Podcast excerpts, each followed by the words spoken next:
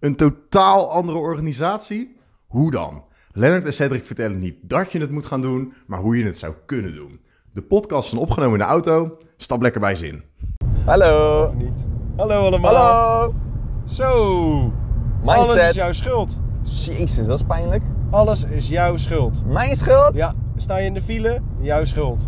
Holy shit. Ja, sta je lang te wachten voor het stoplicht? Jouw schuld. Is de asbak te vol en terwijl je niet rookt? Maar vindt het wel asbak? vervelend?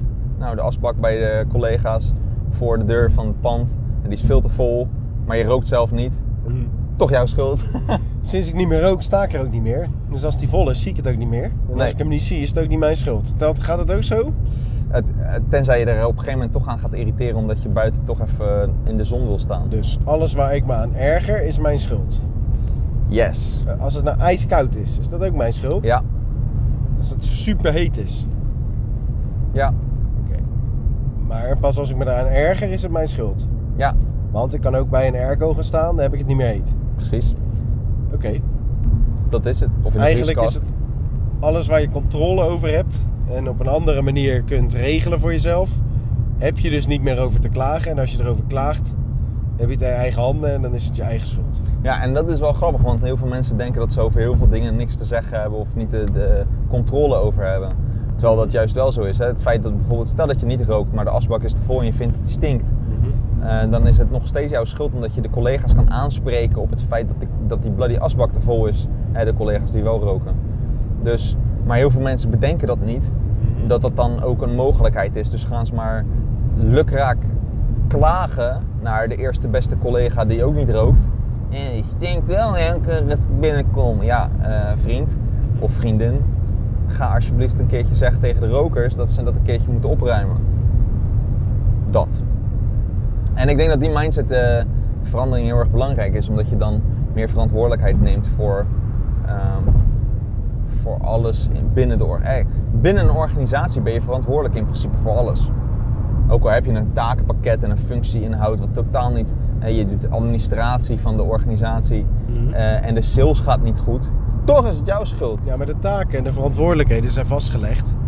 En Ja. binnen die verantwoordelijkheden staat niet volle asbak. Dus dan is het toch ook niet mijn verantwoordelijkheid. Ja, maar dat is. En toch ook niet mijn schuld. Ja, en als iedereen zo denkt, dan gebeurt er inderdaad niks mee. Ja, En dan, ja, dan neem ik weer eh, over alles de verantwoordelijkheid en dan ga ik weer kapot. Precies. Dus daarom moet je ook andere mensen aanspreken op hun verantwoordelijkheden. En ook zeggen dat het hun schuld is dat zij het ook niet doen. Dus ook dat is weer mijn verantwoordelijkheid. Om Yes. andere mensen aan te spreken op hun verantwoordelijkheid. Ja, en datzelfde ja, geldt voor die mensen die, daar. Dan word ik die azijnzeiker die Ja. eh, tegen iedereen zegt... eh, En tegelijkertijd word je daarmee ook gezien als de leider. Want heel veel mensen trekken nee, hun mond. gezien als een zeikert. Nee. Want je hebt een goede reden om het. Want namelijk, waarschijnlijk 90% van de mensen die denkt precies hetzelfde als jij. Ja. Alleen jij, eh, jij bent degene die er ook naar handelt. Of in ieder geval de mond opentrekt om er wat aan te doen. En tuurlijk moet je dat constructief doen. En op een manier waarop mensen er iets mee gaan doen. En niet zo van. Nou, het is weer zover hoor. De asbak is weer eh, vol en het stinkt weer. En niemand ruimt het op. Je, dat is slachtofferrol zijnde. En daar wordt niemand bevlogen van.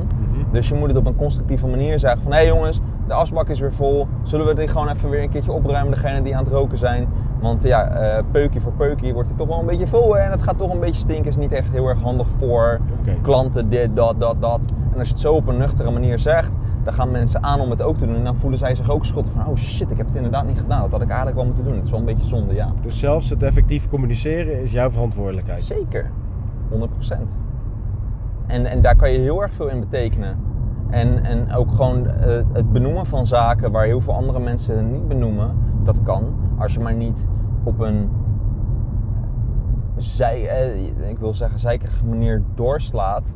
Eh, alleen maar zeiken en zelf niet handelen, dat is niet goed. Maar als je zelf het goede voorbeeld geeft om wel dingen aan te pakken die je kan aanpakken, eh, omdat je er even iemand voor nodig hebt. De vaatwasser uitruimen. ehm, dat, eh, je kan daarna gaan zeiken. Als je, al, als je al twintig keer de vaatwasser achter elkaar hebt uitgeruimd, dan heb je recht om te zeiken. En dan moet je het eigenlijk maar tien keer doen. En daarna al eigenlijk zeggen, jongens, de vaatwasser, wie pakt er nu op? Want ik heb het al negen keer gedaan. En dat is, het, dat is het moment, je kan, je kan niet zeiken van ja, eh, ik heb de vaatwasser eigenlijk nooit uitgeruimd, maar de vaatwasser stinkt wel en niemand die doet het. Ja, nee, eh, then no- nothing's gonna happen. Het is eh, heel erg relevant voor mensen om te weten dat ze ergens invloed op kunnen uitoefenen. Yes. Is dit de reden dat je het onderwerp alles is jouw schuld aansnijdt? Ja, ik denk, dat, ik denk dat mensen meer invloed hebben dan dat ze denken. En dat ook in elke organisatie. En als je daar wat assertiever en eh, wat, wat gedurfder in toe, eh, naartoe gaat, dan kan je best wel dingen veranderen. En dat begint het soms klein, eh, maar dan ga je opeens zien dat de cultuur ook kan veranderen, mede door jouw aandeel, omdat je dingen hebt bevraagd of hebt benoemd of daar gewoon wat harder in gaat. Oké.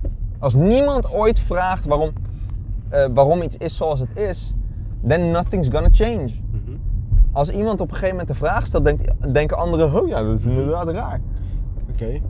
En eh, als je het nou op de grote schaal bekijkt, is het ook mijn schuld dat Donald Trump eh, minister-president van Amerika is? Nee, oké, je kan op sommige dingen kan je natuurlijk echt niks doen. En je moet het ook niet alles naar je toe trekken, omdat het heel erg ongezond is. Mhm. Eh, hè, als, je, als, je, als je ook denkt dat echt, echt alles jouw schuld is, Mhm. dan, ehm, dan raak je nogal gestrest. Maar een je bent wel een groot voorstander van de quotes: een beter milieu begint bij jezelf. Ja, tuurlijk. Omdat het appelleert aan het eh, verantwoordelijkheidsbesef van de mensen. Yeah. Michael Jackson, Man in the Mirror. Eh, eerst jezelf eh, veranderen en dan, en dan volgt hopelijk de rest als je het goede voorbeeld geeft. Maar als jij nog steeds alleen maar aan het zeiken bent en niet zelf het goede voorbeeld geeft, dan hoe, wat kan je zeiken? Gezien de documentaire en het verleden van Michael Jackson is hij misschien niet de beste man die over spiegels mag praten. of wel? dat klopt. maar hij heeft er een mooi liedje over, dus eh, dat eh, scheelt. Maar jij, wat was Dus dan is het goed. Ja, dan is het goed. Nee, maar wat denk jij? Verantwoordelijkheid begint bij jezelf. Mhm. Ja. Het, is, eh, het is een dooddoener, maar ik ben opgegroeid in een gezin waarbij er best wel veel ehm, ongelukkige. Ja, niet iedereen was altijd even gelukkig. En eh, de schuld lag vooral wel in situaties en niet zozeer bij de persoon slash personen zelf. Ik heb daar altijd wel veel van opgestoken. Allereerst eh, soms een eh, beetje het verkeerde voorbeeld. En op een bepaald moment ook wel. Ik dacht van ja goed, daar heb ik natuurlijk zelf ook gewoon een, mijn invloed op. Ik, het heeft wel lang geduurd voordat ik dat eindelijk een keer leerde. Dus ik moet wel zeggen dat ik heel erg lang eh, heb gewacht met het stoppen met roken. Eh, omdat het nou eenmaal heel erg moeilijk is om te stoppen met roken. En dat is dan vooral de schuld van de nicotine. Maar uiteindelijk is het gewoon doen. Mhm. En dat is aan mij om te zeggen, joh, ik, ik begin nu met stoppen. Ja. Dus niet, ik ga niet meer roken, maar ik begin nu met stoppen. En eh, het is een keuze om daar wel of niet mee te beginnen. Mhm. Wat heeft het voor toegevoegde waarde voor die manier van organiseren? Ehm, het feit dat je alles ehm, zelf kunt maken. Dus de maakbare organisatie noem ik het ook wel eens. Je hebt, ehm, als je kijkt naar eh, eh, collega's die ergens iets van vinden en, en gaan eh, klagen bij het koffiezetapparaat. Bij Kito hanteren we het adviesproces. Hè? Dat is dat je alles mag beslissen ehm, mits je advies vraagt aan de collega's die worden beïnvloed door je keuze.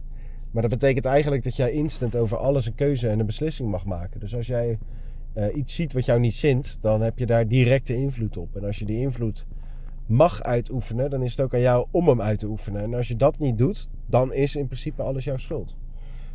Maar goed, in eh, de huidige samenleving zijn er heel erg veel organisaties die hun structuren zo hebben afgekaderd dat je je ook kunt verschuilen achter je functieprofiel. Dus dat je kunt zeggen, ja, maar ja, in mijn eh, functieprofiel staat niet dat dat mijn verantwoordelijkheid is. En omdat dat niet zo is, ja, dat is de taak van de office manager.